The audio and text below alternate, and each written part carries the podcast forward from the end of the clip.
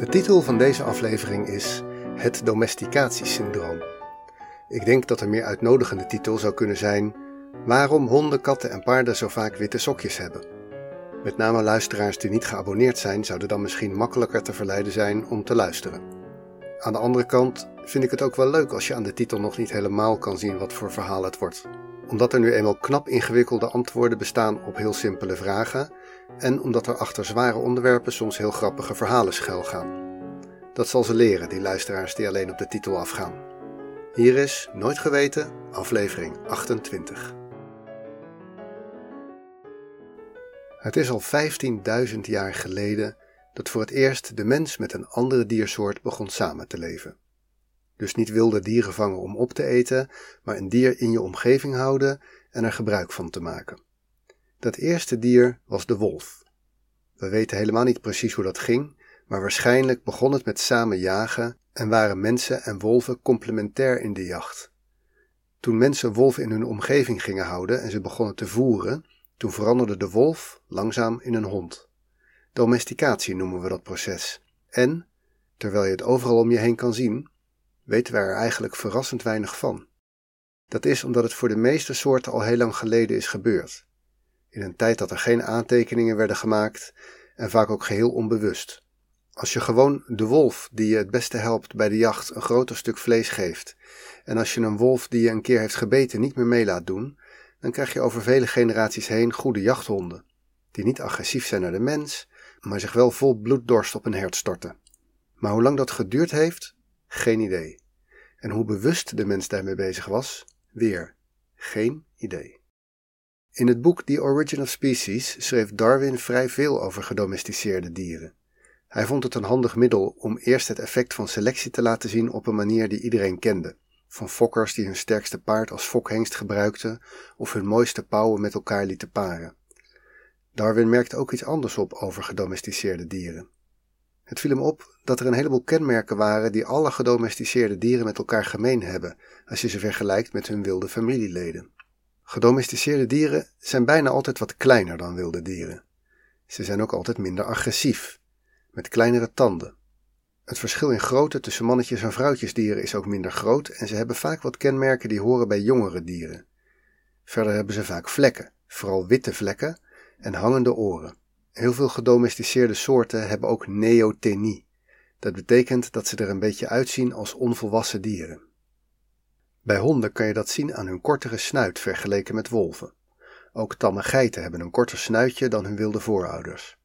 Een heel breed scala aan eigenschappen die je dus zowel ziet bij gedomesticeerde honden als bij geiten, katten, koeien, paarden, cavia's, konijnen, noem maar op. Hoe zou dat komen? Zouden onze verre voorouders op al die eigenschappen geselecteerd hebben? Voor sommigen lijkt dat wel logisch. Minder agressief is bijvoorbeeld wel een prettige eigenschap voor een dier dat je in je buurt hebt. Een beetje kleiner klinkt ook nogal als een voordeeltje. Als je een wolf om je huis hebt lopen, dan is een wat klein wolfje misschien wat makkelijker terecht te wijzen. Maar die andere dingen? Zouden onze voorouders dol zijn geweest op witte sokjes en befjes? En dat ze daarom zowel bij katten als bij honden, als paarden, als konijnen hebben geselecteerd op minder agressie en witte sokjes? En hoe zit het met dat jonge dierenuiterlijk? Zouden onze voorouders expres hun wolven hebben geselecteerd op puppy-uiterlijk? En dat klinkt nog wel aannemelijk, omdat wij inderdaad jonge dieren veel leuker vinden ogen dan volwassen dieren, met hun grote ogen, bolle kopjes met stompe neusjes. Lang dachten we dat we dit nooit zeker zouden weten, omdat domesticatie nu eenmaal in een ver verleden was gebeurd en je er maar moeilijk experimenten mee kunt doen, omdat het zo lang duurt. Dachten we.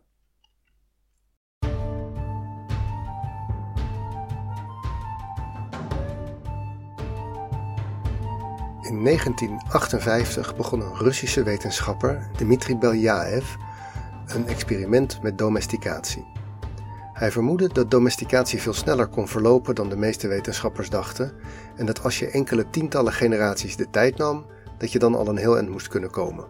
Hij dacht ook dat selecteren op minder agressie voldoende moest zijn en dat al die andere effecten zij-effecten konden zijn. Op een instituut in de buurt van Novosibirsk, diep in Siberië, begon hij aan zijn experiment. Ze gingen werken met wilde zilvervossen, een grijze vossensoort die ook wel voor het bont wordt gefokt. Samen met zijn assistente Lyudmila Trut begon hij met de dieren te fokken op een manier waarvan hij dacht dat oermensen dat ook gedaan zouden hebben.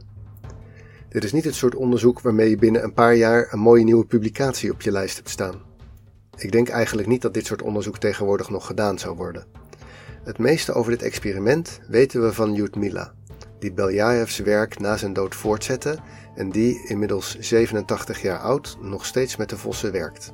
Ze beschrijft hoe de vossen aan het begin van het experiment doodenge beesten waren, die je vaak frontaal aanvielen als je alleen maar in de buurt kwam. Ze stelden een gestandaardiseerde manier op om de agressiviteit van een vos te meten. Het kwam erop neer dat de onderzoeker ingepakt in beschermende kleding de kooi met de vos instapte en er een stok in legde. Bij de eerste generatie waren er drie reacties te onderscheiden. De grootste groep vossen viel de onderzoeker direct aan en probeerde te bijten waar ze maar konden. Een kleinere groep was doodsbang voor de onderzoeker en kroop angstig weg in een hoekje van de kooi. Daartussen zat een groepje, in het begin maar 2% van de vossen, dat kalm bleef toekijken. Alleen met het groepje rustige vossen werd doorgefokt.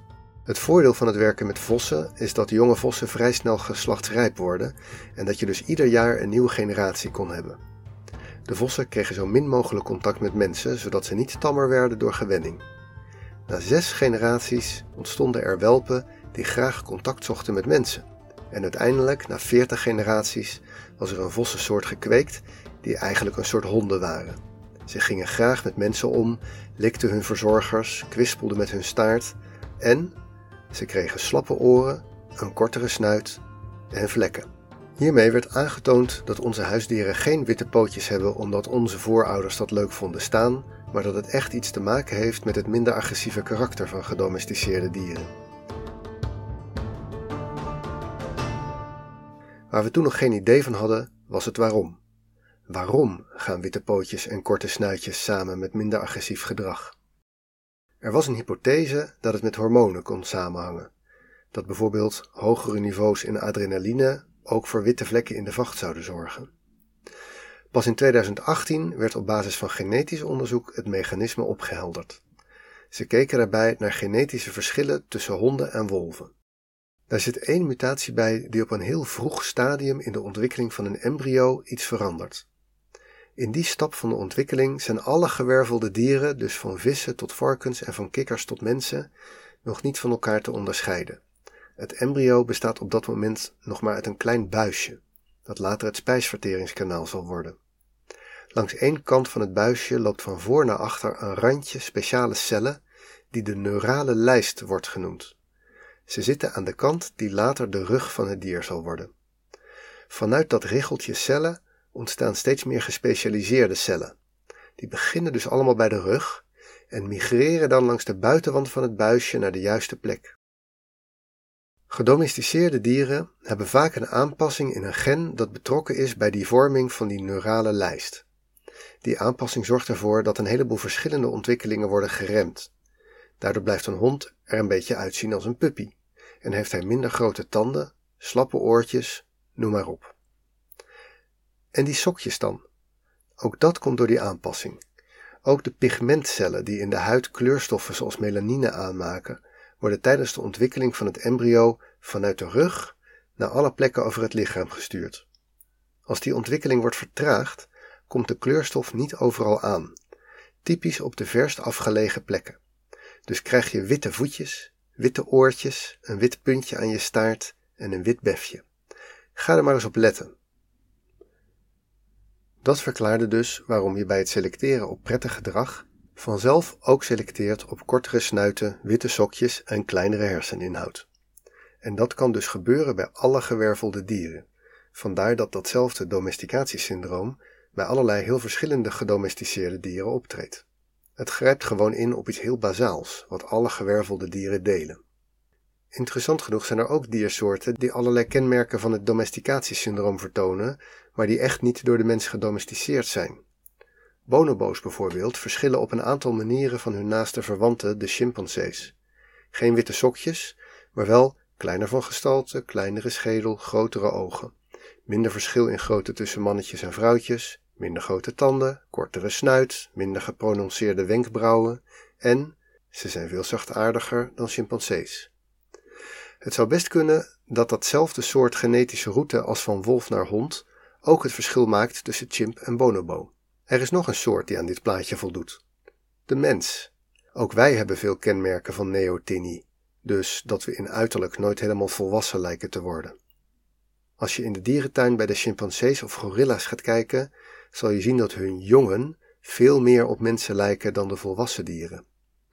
Wij hebben een bijna plat gezicht, kleinere herseninhoud dan onze verre voorouders, en het verschil in grootte tussen mannen en vrouwen is ook veel minder dan bij bijvoorbeeld gorilla's.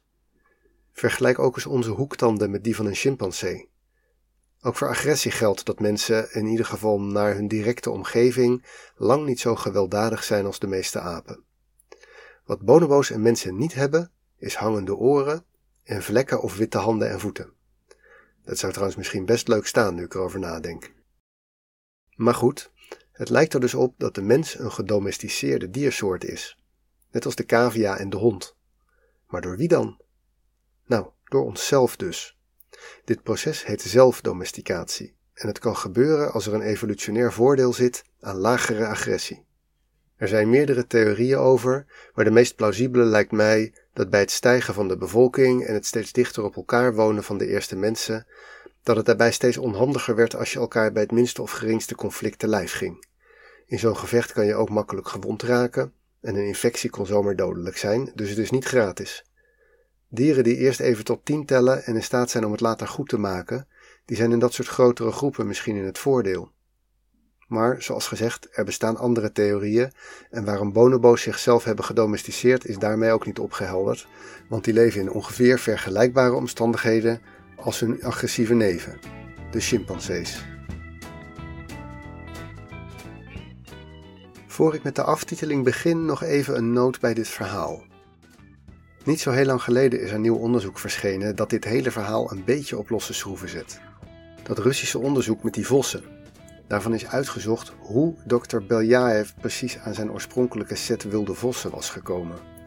En die blijken helemaal niet zo wild te zijn geweest. Uit genetische testen op de huidige populatie tamme vossen blijkt dat ze afstammen van vossen van Canadese bondfarms. Dus niet zo wild uit het bos gehaald. Misschien waren de vossen dus eerder verwilderd dan wild. En dan is het misschien weer niet zo bijzonder dat ze in een generatie of tien al die verschijnselen begonnen te vertonen. Het zat er misschien al in. Wat dat voor het hele verhaal betekent, inclusief het gevonden mechanisme met de neurale lijstcellen, dat kan ik niet helemaal inschatten. Ik denk dat daar toch ergens een kern van waarheid in zit. Dit was aflevering 28 van Nooit Geweten.